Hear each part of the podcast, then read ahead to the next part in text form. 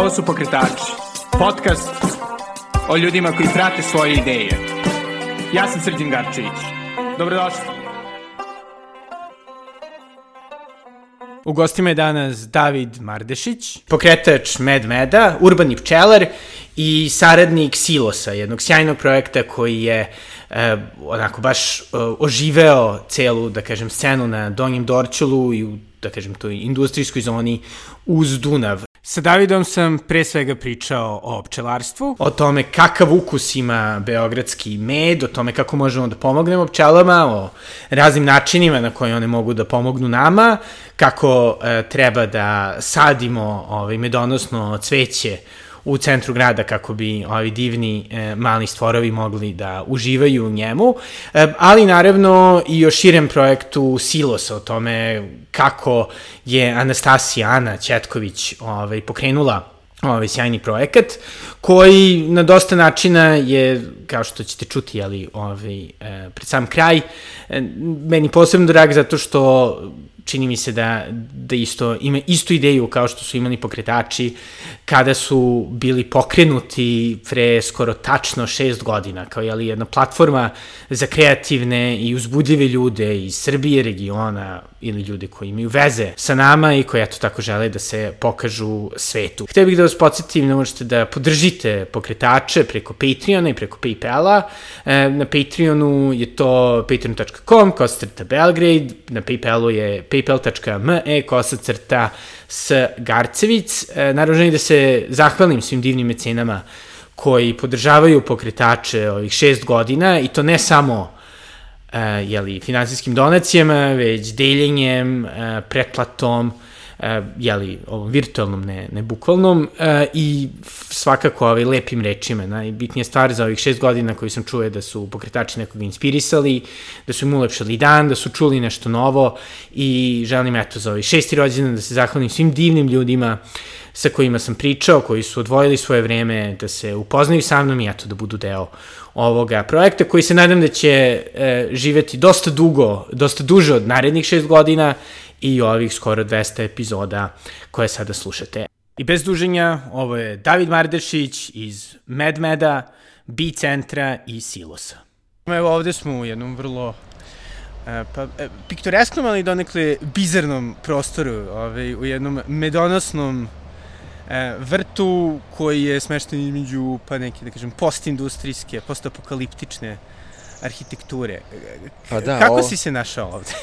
Pa da li smo se našli slučajno ili ne, ima da ne verujem toliko u slučajnosti, ali pre tri godine kad smo se odlučili da krenemo sa urbanim pčelarstvom, smo imali neku PR kampanju gde su nam se javili ovaj, ljudi, ponudili prostor ovde gde se pčele trenutno nalaze i tako su pčele došle na na ovo ovde mesto. Mislim, kako uopšte ideja o urbanom pčelarstvu? Mislim, znam da recimo Fortnum Mason prodaju svoje svoj med koji se pravi na vrhu njihove prelepe ove, zgrade u Mayfairu.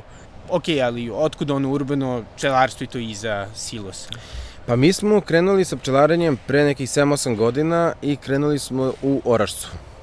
Bila je Šumadija, imali smo tamo kolegu ovaj, pčelara koji nas je pratio i sa kolegom Dragišom smo imali te neke prve korake u pčelarstvu, međutim mi iz Beograda sa Karaburme dok dođeš do Orašca, to je sat i po vremena u jednom i sat i po vremena nazad, naravno gorivo svaki dan i to apsolutno nije održivo bilo, ali nismo imali neku drugu lokaciju s obzirom da nismo imali nikoga u familiji ko se bavio pčelarstvom, nismo imali neki naš, ovaj, naše parče zemlje, tako da smo brat i ja, da kažem, pokrenuli tradiciju ovaj, u našoj porodici, nadamo se da će se Dobre. nastaviti, ali smo eto tako došli na tu prvu lokaciju, međutim, naravno analizi, analizirali smo sve, shvatili da nema smisla baš juriti toliko po Srbiji i odslušali kurs u organizaciji Beogradskog udruženja pčelara, kurs urbanog pčelarstva i došli na ideju pa hajde da probamo sa, sa tim pčelarenjem i malo po malo, mic po mic, prvo smo postavili košnice da testiramo, da vidimo šta je kako, jer i mi nismo znali šta da očekujemo. I dalje to bilo novo kod nas u tom trenutku, ali evo, par godina kasnije možemo da kažemo da smo zadovoljni sa pčelarenjem u gradu nego u Šumadiji. Da, zbog čega? Pa, zbog više stvari. Prva stvar je definitivno bolji razvoj pčelinjeg društva, s obzirom da u Beogradu kreću neke divlje biljke sa cvetanjem već krajem februara i do kraja oktobra, evo i dan danas koji je, sada je 20. neki septembar, da. pčeli dalje unose polen, znači ima nekog cveća u prirodi i do kraja oktobra malte ne one imaju neki izvor hrane u okruženju, što je vrlo važno da bi se jedna pčelinja zajednica dobro razvijela. Druga stvar je nema intenzivne poljoprivrede, jer vi ako ste na nekoj lokaciji, neki komšija, čak i ne znam, kilometar dva udeljeno od vas prska ili koristi neke preparate koji nisu dozvoljeni, to utiče i na vaše pčele i na pčelinjake u okruženju, tako da u gradu nema tog tretiranja biljaka da. i sa te strane smo mirniji. Da, mada naravno ovaj, svako kada priča o, o ono, povratku prirode, jedna glavnih stvari je a, Beograd je toliko zagađen. Mislim, je li ovo, da kažem, normalno zagađenje ne utiče toliko na pčele? Svima je to prva reakcija naravno. i to je okej, okay. po nekim, ovaj, po nekoj logici, stvarno Beograd jeste najzagađeniji grad, do duše u zimskim ovaj, mesecima. E, ne utiče na pčele. Zašto ne utiče na pčele? Pa pčele su toko savršena bića koji imaju u sebi neke filtere koji filtriraju sve što prave. Da se razumemo, one ne prave med za tebi mene, nego prave med za svoje potomstvo i ne bi napravile proizvod ukoliko taj proizvod ne bi bio kristalno čist. Znači, ukoliko ona u trenutku proceni da taj nektar koji bi skupila ili bilo što što skuplja u prirodi nema adekvatan kvalitet, ona ga ne bi skupila. Druga stvar je da oni imaju građu nekih filtera u sebi kao kitovi koji se hrane planktonima. Mm -hmm. Zašto je to važno? Pa sve nečistoće, iako postoje u tom trenutku u vazduhu, ona to filtrira, kad se vrati u košnicu, ona taj nektar prebacuje drugoj pčeli i to tako ide po košnici jedno par desetina puta dok ne dođemo od nektara do meda i konstantno se taj proizvod filtrira, te kristalno, ovaj, te finalni proizvod, odnosno taj med koji one poklope, odnosno zreo med je apsolutno čist i bezbedan za upotrebu, a prva stvar koju smo uradili, naravno kad smo krenuli s urbanim pčelarstvom, to je da smo odneli med u sertifikovanu laboratoriju i akcenat na analizama je bio na ovaj, teškim metalima. Nema teških metala, svi parametri su u svim, ovaj, svi parametri su adekvatni, odnosno med je besprekoran, kvalitetan, a čak smo za ovaj, jedan beogradski med osvojili i tri zlate medalje do sada na nekim takmičenjima. O, sjajno. Ove, a kakav je ukus beogradskog meda?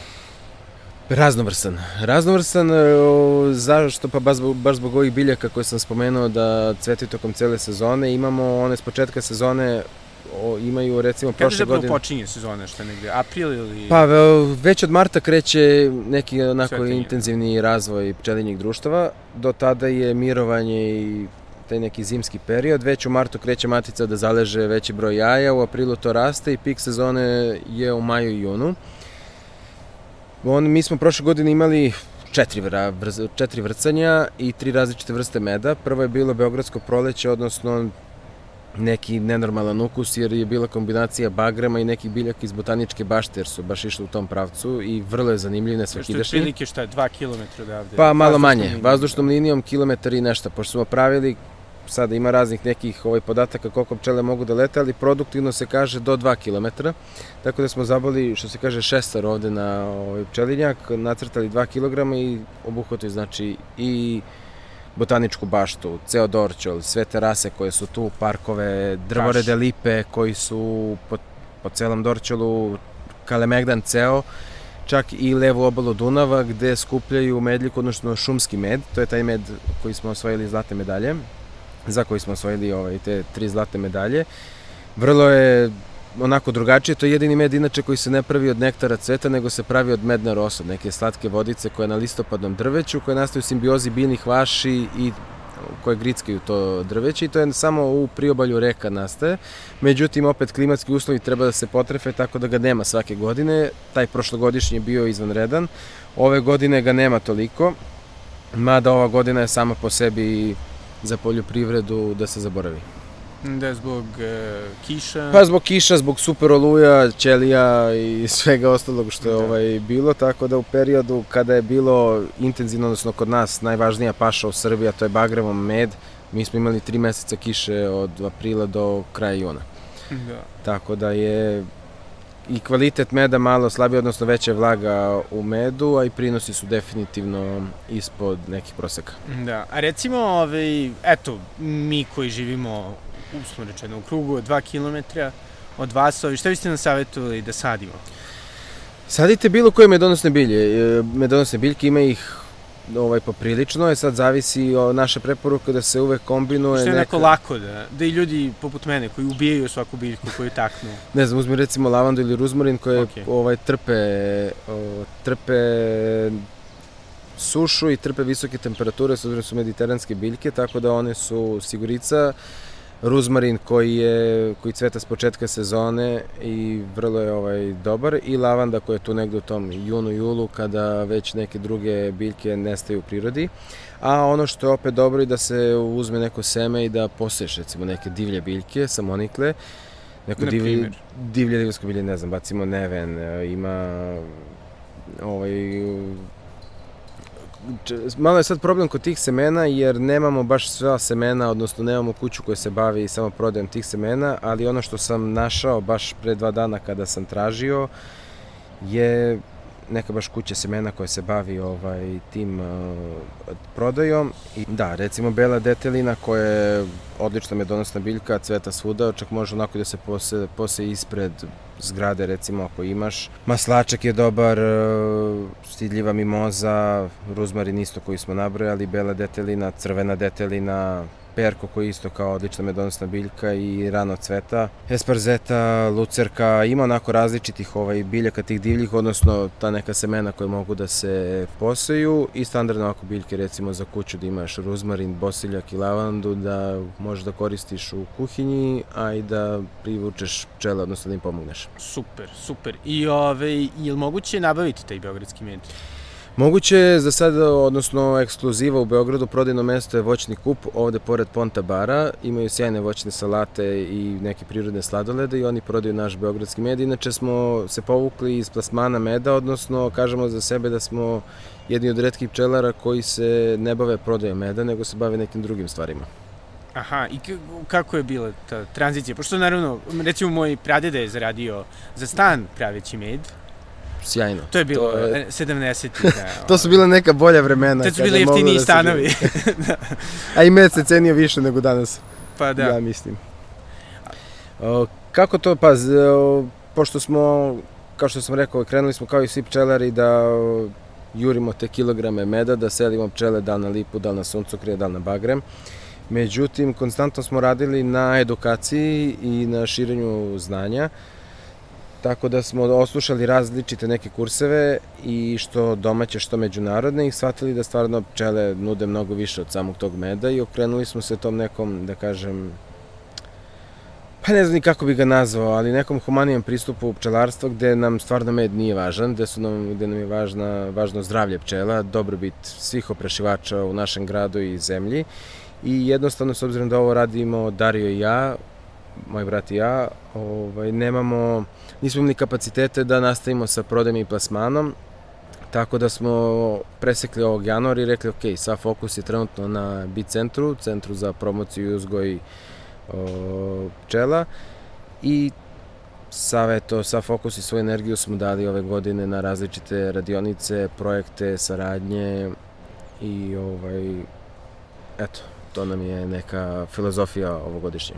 I sada kada bi neko hteo da prođe vašu obuku, jednu naših radionice, šta bi, šta bi mogli da očekuju? Pa ukoliko nekog zanima da baš da se bavi pčelarstvom, svake godine imamo kurseve osnova pčelarstva gde tokom zimskih meseci imamo praktičnu nastavu. Odnosno, pardon, imamo teorijsku nastavu tokom zimskih meseci, a kad krene sezona prelazimo ovde u naš pčelinjak na praktičnu nastavu. Tu se ljudi osposobljavaju, odnosno stiču neka osnovna znanja da, da mogu da nabave i da krenu sa pčelarstvom. Opet, pčelarstvo je dosta komplikovana i složena disciplina, nije ni to dovoljno, uvek je, treba imati nekog mentora ili iskusnijih pčelara pored sebe da vas prati bar prve dve godine. Ukoliko vas zanima tek više ovako malo da se upoznate sa pčelama, imamo različite radionice. Recimo, hit ove sezone nam je porodično druženje, gde smo osmislili jednu radionicu za celu porodicu. Dolaze nam roditelji sa decom, bake, deke, imali smo baš pre par nedelja tri generacije su došle i prisustovale tom druženju gde pričamo malo o pčelama, o bezbednosti, o ponašanju, kako da prepoznamo alergiju s obzirom da postoji i ta strana kako da prepoznamo šta su ose, šta su pčele, kako da se ponašamo, kako da jedemo med, koji to medovi postoje, oblačimo dela, poručamo jednu staklenu košnicu, tako da je vrlo onako zanimljivo i za roditelje i za decu. tu su od ove sezone i team buildingsi za kompanije, s obzirom da pčelinja, pčelinje društvo tokom sezone broji 50-60 hiljada pčela u jednoj košnici koje rade i funkcionišu kao jedno biće i dosta možemo da naučimo od njih što za privatni, što za ovaj poslovni život i pokušamo da prenesemo to neko njihovo znanje i tu organizaciju da predstavimo ljudima gde ne postoji ego, gde nisi bitan ti ili nisam bitan ja, nego je bitan dobrobit zajednice i to ono što pokušavamo kroz sve te radionice i druženje da iskomuniciramo i da prenesemo to znanje koje nam pčele daju, a mi možda ne želimo da čujemo. Da, i kako si ti, da kažem, prihvatio tu mudrost pčela? Šta, šta, šta je tebe neko osvestilo da je to neka bitna ideja? Pa eto, taj recimo segment gde se trudimo da svima bude dobro, da svima bude lepo, da se pomogne svima i jedino tako ćemo svi biti zadovoljni. Nećemo biti srećni, odnosno bar ja verujem da koliko god se zavaravali s nekim materijalnim stvarima ili nešto ako su oko tebe tvoji bližni ljudi nesrećni, pa ne može ni tebi da bude lepo, ne znam, makar kupio šta god ti padne na pamet. Tako da ta dobrobit za zajednicu i za okruženje je nešto što na mene najviše ima uticaja. Da, što, što dosta zvuči slično, jeli, idejama Gaja, fondacije. Ideje koje, da. da, tako da mi smo ovde svi jedna velika košnica, to volimo da kažemo ovde za silose. Kako ste krenuli da sarađujete?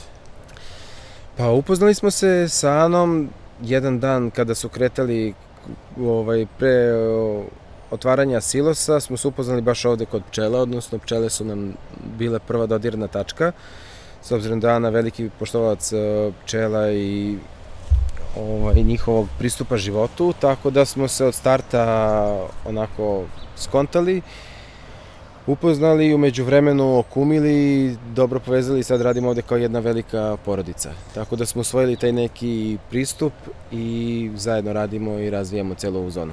Da, I kako je izgledao taj, da kažemo, ono, razvoj? Mislim, pošto je ovo izrazito ambiciozan projekat, mislim, samo krčenje ovoga, uh, ovoga vrta sigurno je bilo izrazito naporno, tek mogu zamisliti kako je bilo sređivanje silosa. Pa ogromna je zona, ovo ovde je industrijska zona koja nije imala neku infrastrukturu koju bi očekivali da ima s početka, od struje, vode, internetu da ne pričamo.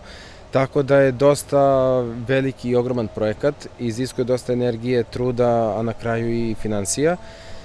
Tako da smo išli korak po korak, podelili smo, znamo šta su postulati, znamo šta želimo da postignemo, imamo taj neki dugogodišnji cilj i viziju gde želimo da budemo nakon 2, 3, 5, 10 godina i pokušamo svake godine malo po malo da idemo ka tom cilju. Da, i u tom, da kažem, celom putu, ajde, do sada šta silosi su već otvoreni od prošle godine? Pretprošle. Da, 2000, šta je to bilo, 2021. Da, sad sam s godinama, ono, pre da, korone, da. posle korone, to je ovaj, su, tu smo, da. Tokom koronsko ili post-koronsko mesto, u svakom da. slučaju. Šta je neko bilo najteže? Misliš od samog početka? Da. Pa od samog početka za to je najbolje zna Ana, s obzirom da je ona iznala i pokrenula ceo ovaj projekat. Ja sam se u organizaciju uključio intenzivno u, u Gaju od ove sezone tek. Tako da šta bi, čekaj sad da porazmislim šta bi ona rekla i šta je to nešto što je bilo najteže u početku. Pa ne znam, ti prvi koraci su definitivno u, u svakom poslu i u svakom biznisu najteži, odnosno sam taj početak gde vi ni iz čega pravite nešto dok ne dođe do trenutka da to postaje samodrživo, gde trebate izdržati razne razne probleme, poteškoće, neplanirane stvari, tako da je ta prva sezona, ja mislim, bila onako najteža i to što je su ona i Boris sami bili u... Mislim, nisu bili sami, ali su iznali sve najviše na svojim uh, leđima, tako da je definitivno to je, mislim, za njih bila, bio najveći izazov. Naravno, među vremenu se ekipa malo proširila, tako da nas sad ima malo više i polako onako radimo, odnosno širimo se i idemo korak po korak. Da, što se tiče toga širenja ekipe, jeli, ovi, slušajući Ajno gostovanje na, na podcastu, ovaj, da se zove, Duhovni putnici. Kosmički putnici. Kosmički putnici, izvim. Ove, vrlo, vrlo zanimljiva epizoda. E, nekako deluje da, da su silosi u velikoj meri neka njena ne samo da kažemo ono neki poslovni ili privatni projekat, već nekako prosto neko duhovno značenje, je to, je to olakšava ili otežava saradnju sa drugima? Ha, pa to ovaj, od, i donekle olakšava, jer znamo, odnosno njena vizija i to što ona je videla u celoj ovoj zoni je ono što mi pratimo svi ostali i to nam je dosta olakšavajuća okolnost, ali sa druge strane dosta je otežava jer baš zbog tih visokih standarda koje ona postavila od samog početka biramo isto tako i partnere, biramo projekte, biramo šta ćemo da radimo, kome dajemo šansu za promociju, odnosno to što izaberemo mora dosta da se gađa sa našim sistemom vrednosti i to je ono što nam je glavna, ovaj, glavni reper u, u svemu tome. Da, i, i na primjer, ovaj, evo sada se gradi penjalište. Tako je, penjalište je počelo pre par nedelja, plan je mislim da se završi do kraja oktobra, tako da nam stiže ekipa iz Utopije i imaćemo Vidjet ćemo koliko će vreme da dozvoli ove sezone za penjanje do vrha silosa, ali od sledeće sezone su tu od početka. Super. Koje, jel postoji još neki slični projekti kojima možemo da se radujemo? Pa ono što će biti za sledeću godinu najavio bi eto otvaranje i api komore u pčelinjaku, odnosno opet okrećemo se nekim drugim proizvodima i stvarima koje pčele nude, a to je korišćenje pčelinjeg vazduha iz košnice, odnosno inhalacija pčelinjim vazduhom. Aha, kako to Ka... izgleda? Pa sedite u jednoj montažnoj brvnari i imamo male ventilatore koji izlače vazduh iz košnice, naravno ide maska i to traju te seanse od 5 do 35 minuta, odnosno stavi se maska, udiše se taj vazduh koji je bogat silnim nekim mikroelementima koji su odlični za ceo organizam i pored inhalacije ćemo imati sobu za uloterapiju, odnosno ležanje iznad košnice i upijanje vibracija, a takođe i mirisa iz košnice. Aha, ili to otprilike ima miris, ne znam, propolisa ili... Pa ima svega, ima tu i propolisa, i meda, i polena, i perge, i otrova, i još nekih uh, elemenata koje one luči i ubacuju, tako da radili su neka istraživanja.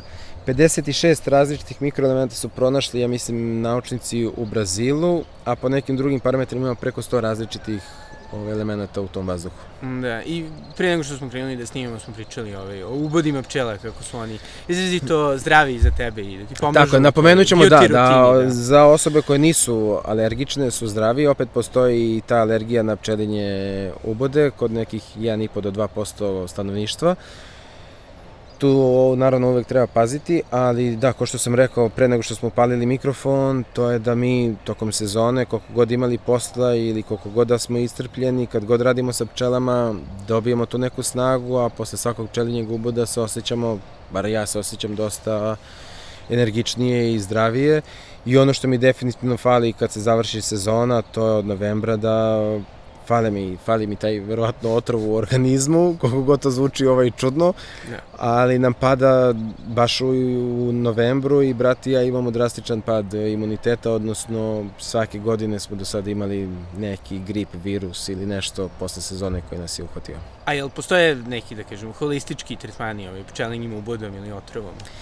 Pa postoje, to, za to trebamo biti dosta pažljivi Naravno, i da. za, moram da kažem da još nismo na tom nivou, odnosno to je neki sledeći korak, ali postoji ta kao punkturica sa ovaj, pčelama, to se koristi u istočnoj medicini, u Rusiji takođe i ima ovaj baš pristup kako se to, to radi, međutim da, i u Sloveniji, u regionu Slovenije najnaprednije što se tiče apiterapije i kod njih postoje i ogromni centri za proučavanje, za edukaciju, za korišćenje, generalno za terapiju, tako da baš evo idemo sledeće nedelje u Ljubljanu opet, jer dosta stvari pokušamo i znanje da prenesemo odande kod nas.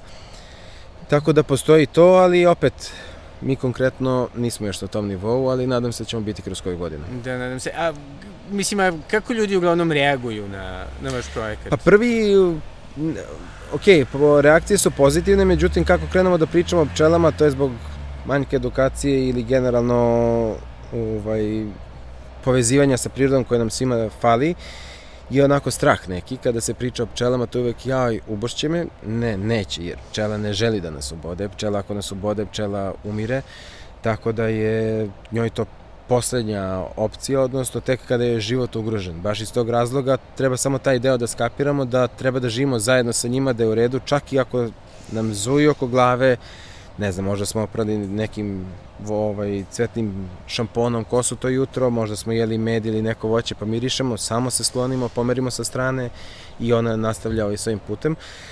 Projekat ko projekat se sviđa ljudima i dobijamo veliku podršku. Ove godine smo imali sigurno preko nekih 700 posetilaca na različitim ove radionicama ovde kod nas u Medonosnom vrtu.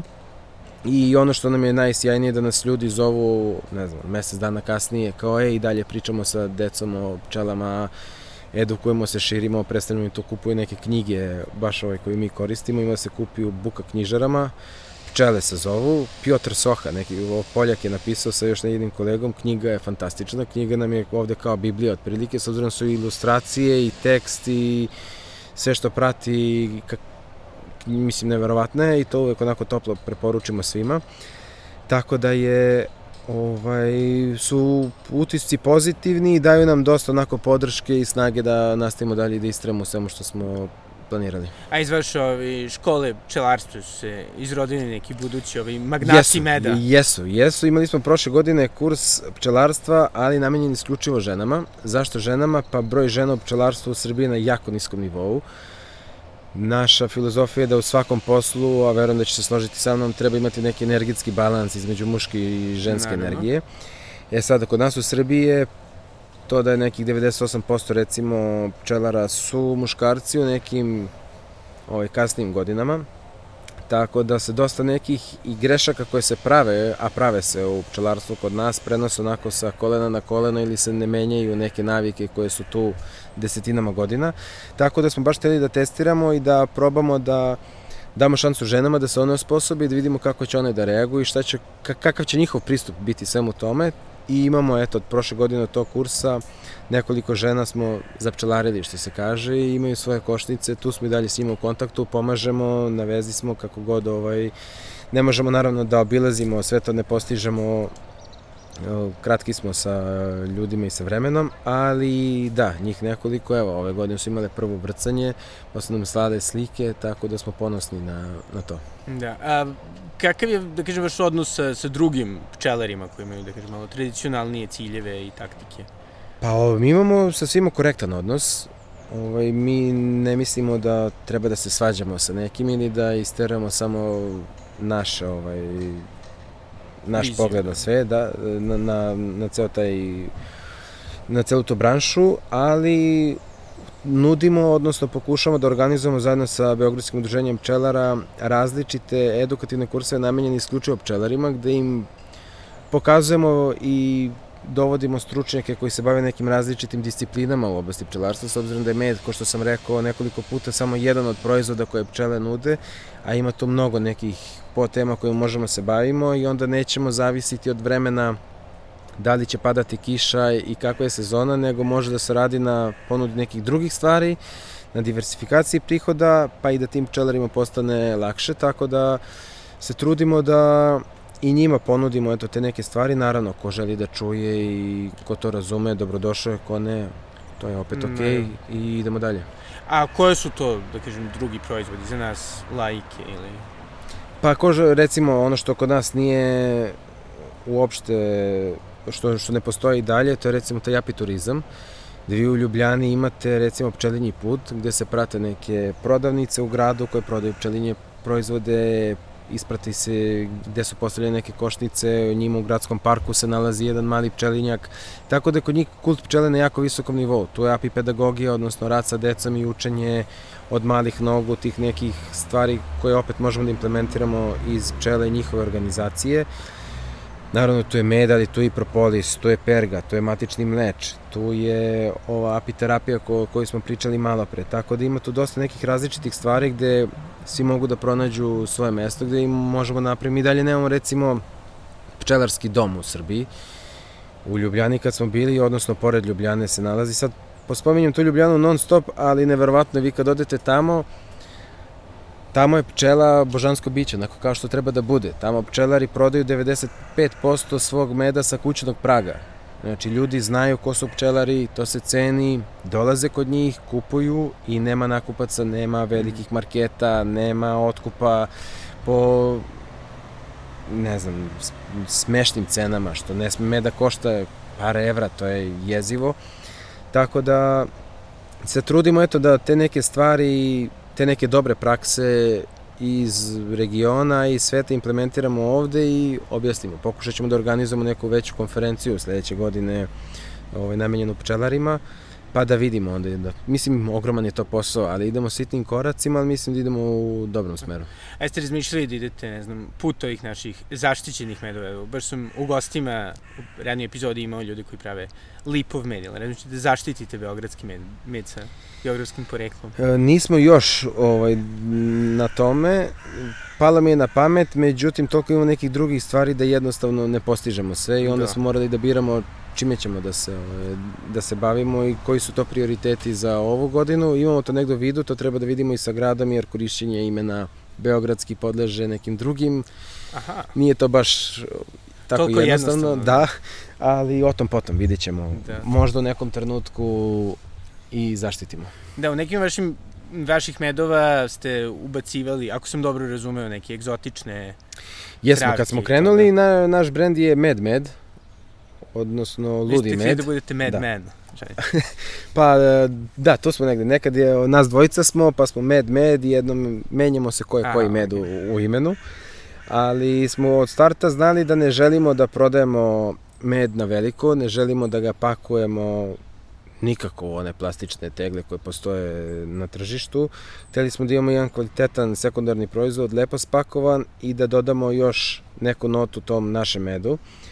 Tako da smo imali iz početka med sa celinskim cimetom, kombinaciju meda, nane i džumbira koja je bila favorit i najzdraviju kombinaciju med sa moringom.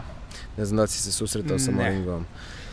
Moringa je proglašena najzdravijom biljkom na, plan, na našoj planeti. Raste tamo na Šri Lanka i podnožje Himalaja i izgleda, pa izgleda kod nas kao neki žbun, kao neka živa ograda. Otprilike ne bi je primetio sigurno da prođeš pored nje nikako, ali razne istraživanja su rađena i neverovatan broj minerala i vitamina ima, međutim kao i sve zdravo ima malo specifičniji ukus. Tako da smo odlučili to i promešali sa našim domaćim medom. Prikrili njih malo te, taj njen ukus, ali zadržali sve benefite i ponudili ljudima taj neki gotov proizvod. A koji deo moringe se koristi? Cvet? Ona se koristi cela. cela, da. Cela ima deo koji se koristi koji koren i list, mi smo recimo koristili list. Aha. Odnosno, naravno, u nekom prerađenom obliku, bez vode, s obzirom da ne smemo da ubacujemo vodu, niti bilo šta vlažno u med, jer bi se pokvario. Tako da je napravljena neka kombinacija, neki odnos te moringe i meda koji je onako vrlo, vrlo zanimljiv. Da, i, i zašto je recimo, ne kažem, dobar pre svega? Pa dobar je za, bukvalno za poboljšanje celog organizma, odnosno za jačanje imuniteta, jer ima recimo više, ne znam, sada dugo nisam pričao o moringi, ali jedno 15 puta više vitamina nego šargarepa, pa više x puta vitamina C nego limun, pa više da, da. kalijuma nego banana. Baš ako bi izgooglali moringa i spisak vitamina, pomislili biste da danas neko zeza, jer nemoguće da nešto tako jako postoji ovaj u prirodi, međutim baš je proglašeno super biljkom, super hranom. Da. Tako da je sjajno, čak se preporučuje i trudnicama i dojiljama za poboljšanje i laktacije i generalno jačanje Zdravlje, organizma, da. da. Super. A, ovaj, a kako ste ti, brat, uopšte, pošto si rekao da nemate neku poredični background u Pa obojice smo, da, nemamo, ali obojice smo na poljoprivrednom fakultetu bili, naravno završili i brat je, s obzirom da je bio drugi smer, on je imao 5-6, ja mislim, pet, da, pet ovaj, izbornih predmeta pčelarstvo, pošto svake godine naravno nabira se od 4-5 ponuđenih izbornih predmeta šta želite. Dario je svaki put birao pčelarstvo i jednom kad uđete u taj svet što više ulazite u, u njihov svet to su fascinantniji luđe.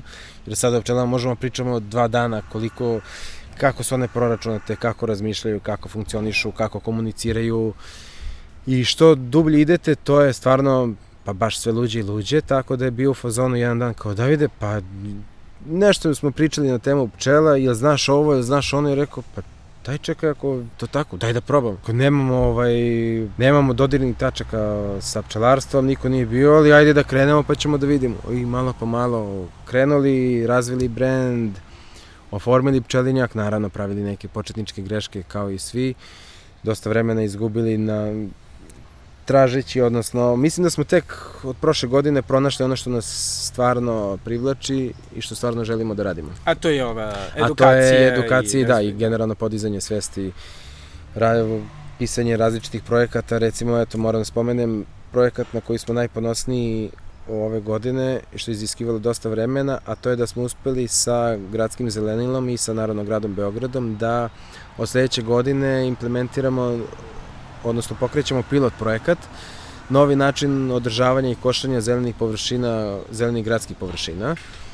Neće da se kosi sve, ako si primetio sada kad se šetaš po, po parku ima sve onako kratko potišišano, ja uvek kažem kao na Wimbledonu da, da, da se sprema trava, nego ćemo pustiti cveće da, da poraste, da odradi ceo svoj ciklus, jer jedino što je potrebno oprašivačima to je hrana i stanište, a sa malom nepokošenom ovaj, delom neke travnate površine, dajemo im sve to što im je potrebno. Tako da su neka istraživanja rađena širom sveta, gde taj, to mozaično košenje gde se uvek ostavlja deo parka nepokošenim, pa se sledeći put taj deo kosi ostavlja neki drugi deo je pokazalo odlične rezultate u povećanju broja pčela. Mi ćemo zajedno sa studentima i profesorima biološkog fakulteta da pratimo i rezultate na tim lokacijama sledeće godine.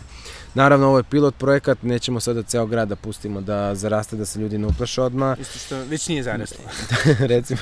Ili nećemo, naravno, nema to veze sa košenjem održavanjem saobraćajnica ili košenjem ambrozije koja je veliki problem u ovom periodu u većini Beograđana nego su to neke male parcele precizno odabrane gde će opet samo da se pusti da da cveću šansa da odradi ono što mu je namenjeno. Da.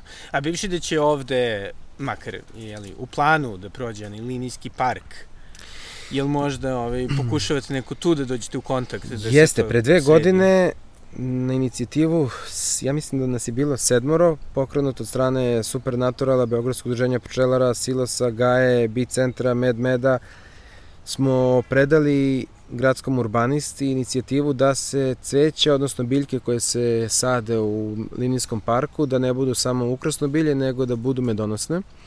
Tako da je to usvojeno, bar nam je rečeno da je taj predlog usvojen, pa ćemo da vidimo, ne znam šta se trenutno dešava sa tim projektom, ali ćemo videti kada završe koliko ima medonosnih biljaka, jer je to jedan lep koridor i fina površina koja može da se iskoristi a značaj na biodiverzitet grada bi bio ogroman. Naravno, naravno. I čisto me interesuje ovaj, kako, pošto cijela ova, da kažem, šira zona, mislim, ceo Donji Dorčol, se nekako dosta menja uh, u proteklih čak pet godina, je onako skoro neprepoznatljivo, ovaj, sa gastrošorom, sa svim i svačim. Uh, kako nekako, ono, vi nalazite te, te sve promene? Pa, smatramo ih pozitivne, jer imamo, do, tu je dosta kvadrata nekih neiskorišćenih i taj gastrošor nije postojilo ništa do pre, do pre dve godine, tako da imamo sjajne kolege i prijatelje koji su tamo otvorili svoje, svoje lokale koje pozdravljamo ovim putem i želimo im uspeha, a smatramo dobro jer Kako mi to gledamo? Opet se vraćamo na pčele i na to dobrobit zajednice, odnosno gde se svi pomažemo i gde dajemo podršku jednima drugima. Recimo ovde sada kreće Cirkosfera, odnosno Cirko Balkana, festival u sklopu Bitefa. Sa njima smo evo, već tri godine se družimo ovde jer su oni po dva meseca ovde spremaju različite predstave dajemo, da, da, dajemo im podršku nekad kada treba da se, ne znam, fizički nešto odrade. Oni su nam pomagali kod vrcanja meda, jer smo vrcali do, ne znam, 11 uveče, sad početkom septembra. I smatram da je to pojavljivanje novih stvari i novih dešavanja, novih ljudi pozitivno, odnosno da svi opet treba da radimo da podržavamo jedni druge, da, da se promovišemo, jer verujem da je to jedini ispravan put, tako da je to, što se mene lično tiče, ok sve. Da. I treba da bude tako. Da, i nekako, ono, ja se nadam i svako mi se čini da, da Silosi, za razliku od nekih drugih, da kažem, sličnih projekata, tipa, otko znam, Mixer House-a ili e, kad se grade nekako zaista uspeva da, da budu u nekom, da kažem, širem e, Pa ono da što, kažem, da, meni što Silosi sistemu. predstavljaju i što je najveći uspeh mislim, cele ove zone su ljudi koji dolaze ovde, jer smo se mi baš preko silosa povezali sa sjajnim pojedincima i ostvarili neke saradnje, neke projekte, ako nismo, razgovaramo pa ćemo možda u budućnosti da se povežemo sa njima, odnosno dosta ljudi se povezalo ovde i ja uvek gledam kao ovaj mural na bočnoj strani kada se dolazi na silose, ovaj svetionik, meni su silosi svetionik, odnosno neko svetlo koje obasjava ceo naš grad i koji nas privlači ovde, a onda je dalje na pojedincima da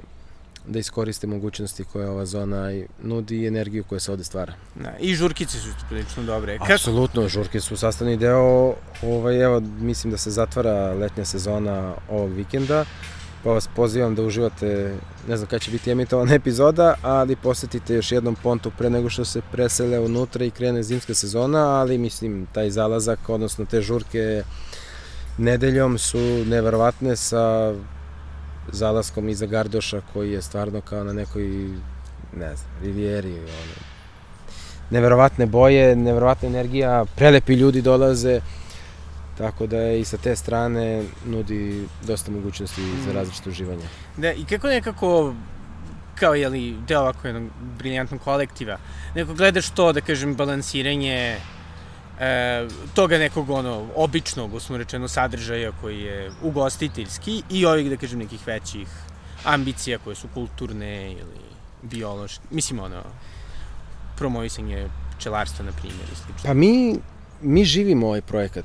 Mi smo svi, nije da su pčele samo tu, mi ovde su i svi ljudi u celoj zoni koji su ovde zaposleni, svi znaju pčele, svi brinu recimo ovaj, o pčelama, međusobno se pitamo, podržavamo, tako da je nama dobrobit te zajednice i, ne znam, otvaranja nekih novih vidika ili paljenja lampica u pojedincima koje da će oni iskoriste ili ne, nešto što stvarno mislimo da treba da se stalno dešava i okrenuti smo tome kroz različite i izložbe i manifestacije i događaje i podršku studentima. Recimo i taj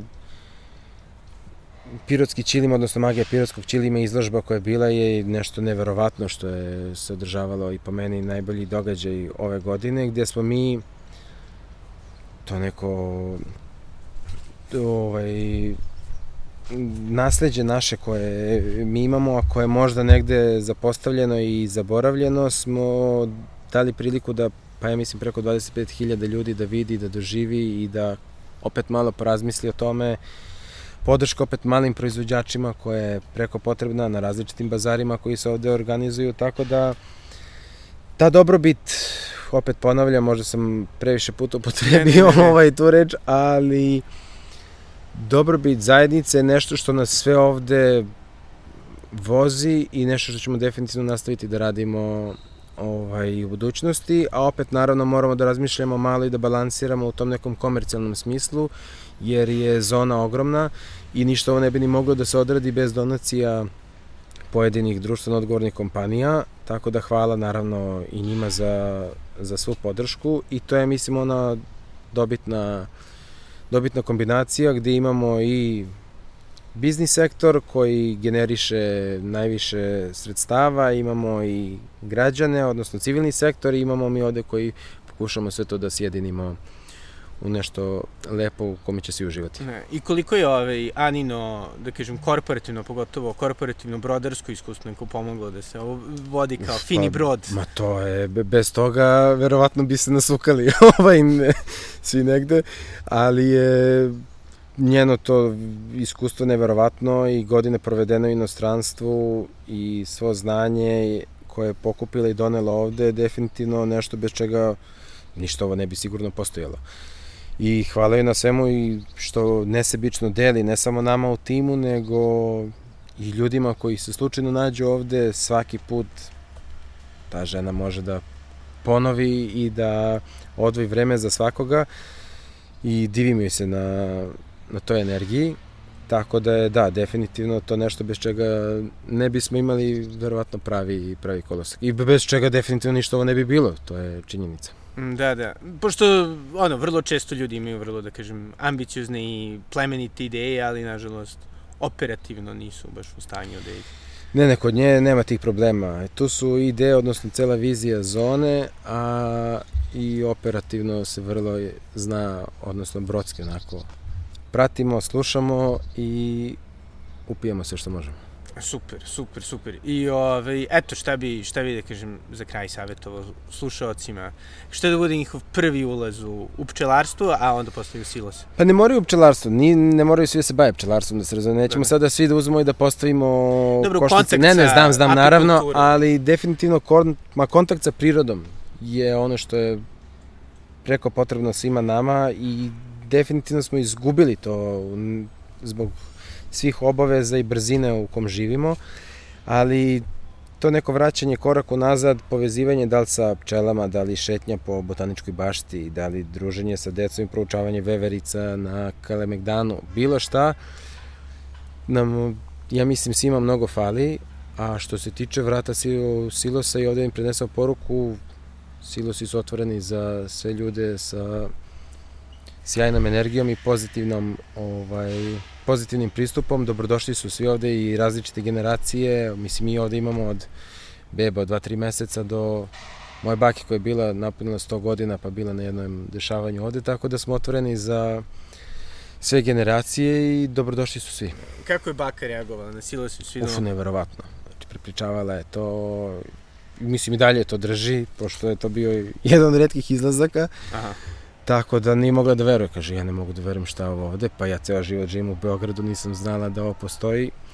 Možete, možemo češće, rekao bako, dolazit ćemo ovde, ne brini, kad god, kad god imaš snagi. Sjajno, sjajno. Tako sjajno. da to ono nešto što nam, eto, daje, to nam je neki dokaz i pokazatelj da stvarno ovo što radimo ima smisle, jer uživaju svi. Ti si ovde isto redovan, koliko sam primetio. Koliko toliko, da.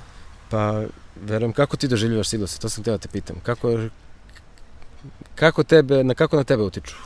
Pa meni su super kao ono, da kažem, neko mesto gde, gde, gde onako je default dobro. Što bih rekao, ono, uvek će biti lepo, uvek će biti divan zalazak sunca, Burger festival je bio sjajan. Jeste da, lepo su organizovali momci.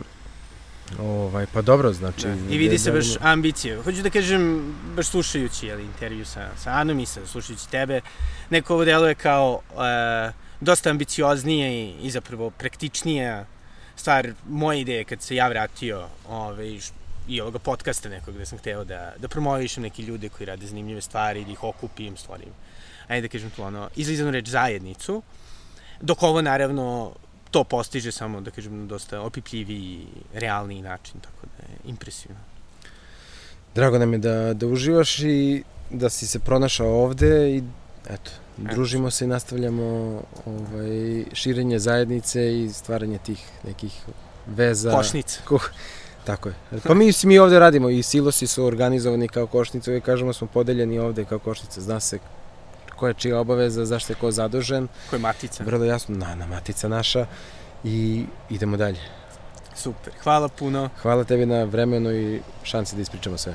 I to je bio David Mardešić. Svakako vam preporučujem da odete u Silose, da pratite što se tamo dešava, da probate beogradski med, da podržavate pčele i pogotovo zato što, kao što ste možda čuli u jednoj od prethodnih epizoda Pokretača sa Miroslavom Kočićem, je zapravo pčelarstvo, to je prvi dokazi o pčelarstvu, e, organizovanom pčelarstvu, zapravo dolaze iz Srbije, to jest iz Srema. To je to od mene za danas i do sledećeg slušanja, doviđenja.